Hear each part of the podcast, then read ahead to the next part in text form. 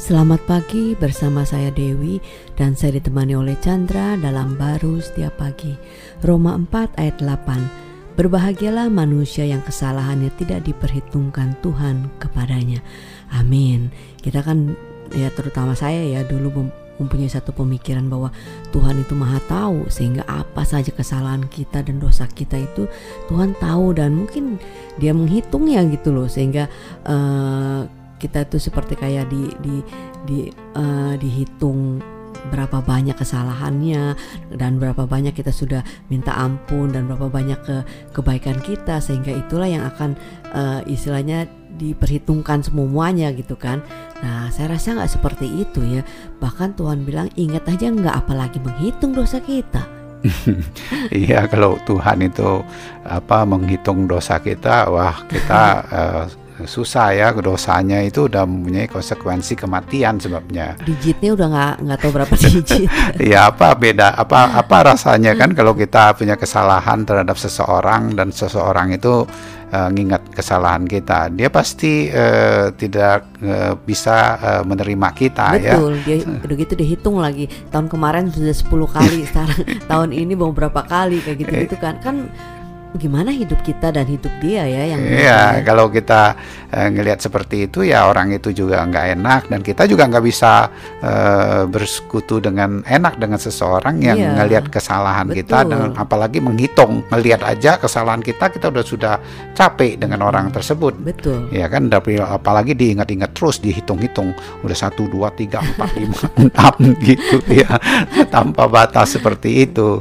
Nah, kita tahu bahwa sebenarnya hidup hidup kita ini uh, tanpa Kristus sebelumnya itu sangat besar dosanya hmm. sehingga kita tidak bisa lepas dari hidup dosa itu bahkan konsekuensi dari kematian itu.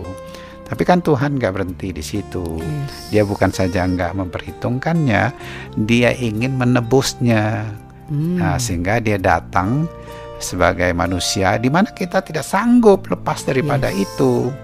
Ya, sehingga dia bisa sebagai manusia dia tanggung dan bahkan dia tebus oleh kematian itu sehingga kita bisa memiliki kembali kehidupan dia uh, kebenaran dia dalam hidup kita sehingga kita nggak memikirkan lagi di dosanya hmm. uh, di mana tubuh kita terus-terus menuntut kita untuk benar tapi dia berikan pembenaran sejauh hidup dia. Kita percaya.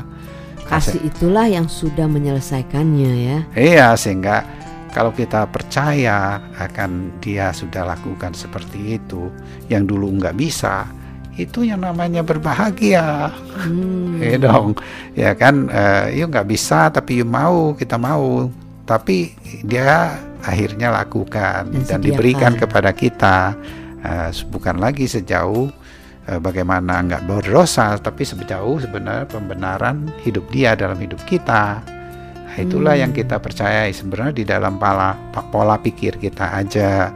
Kadang-kadang kita ngeliat faktanya belum, sehingga kita terbawa bagaimana cara menyelesaikannya hmm. dari kekuatan diri kita daripada mempercayai bahwa itu bahwa sudah selesai. Dan sudah selesai, kita nggak hidup di situ, tapi hidupnya di dalam hidup kebenaran Tuhan. Ah, itulah fakta itu akan berubah sehingga kita bisa dengan uh, uh, ringan, enak ya tanpa pergumulan terhadap dosa tapi menyatakan daripada hidup dia yang tidak ada dosa itu. Amin. Amin.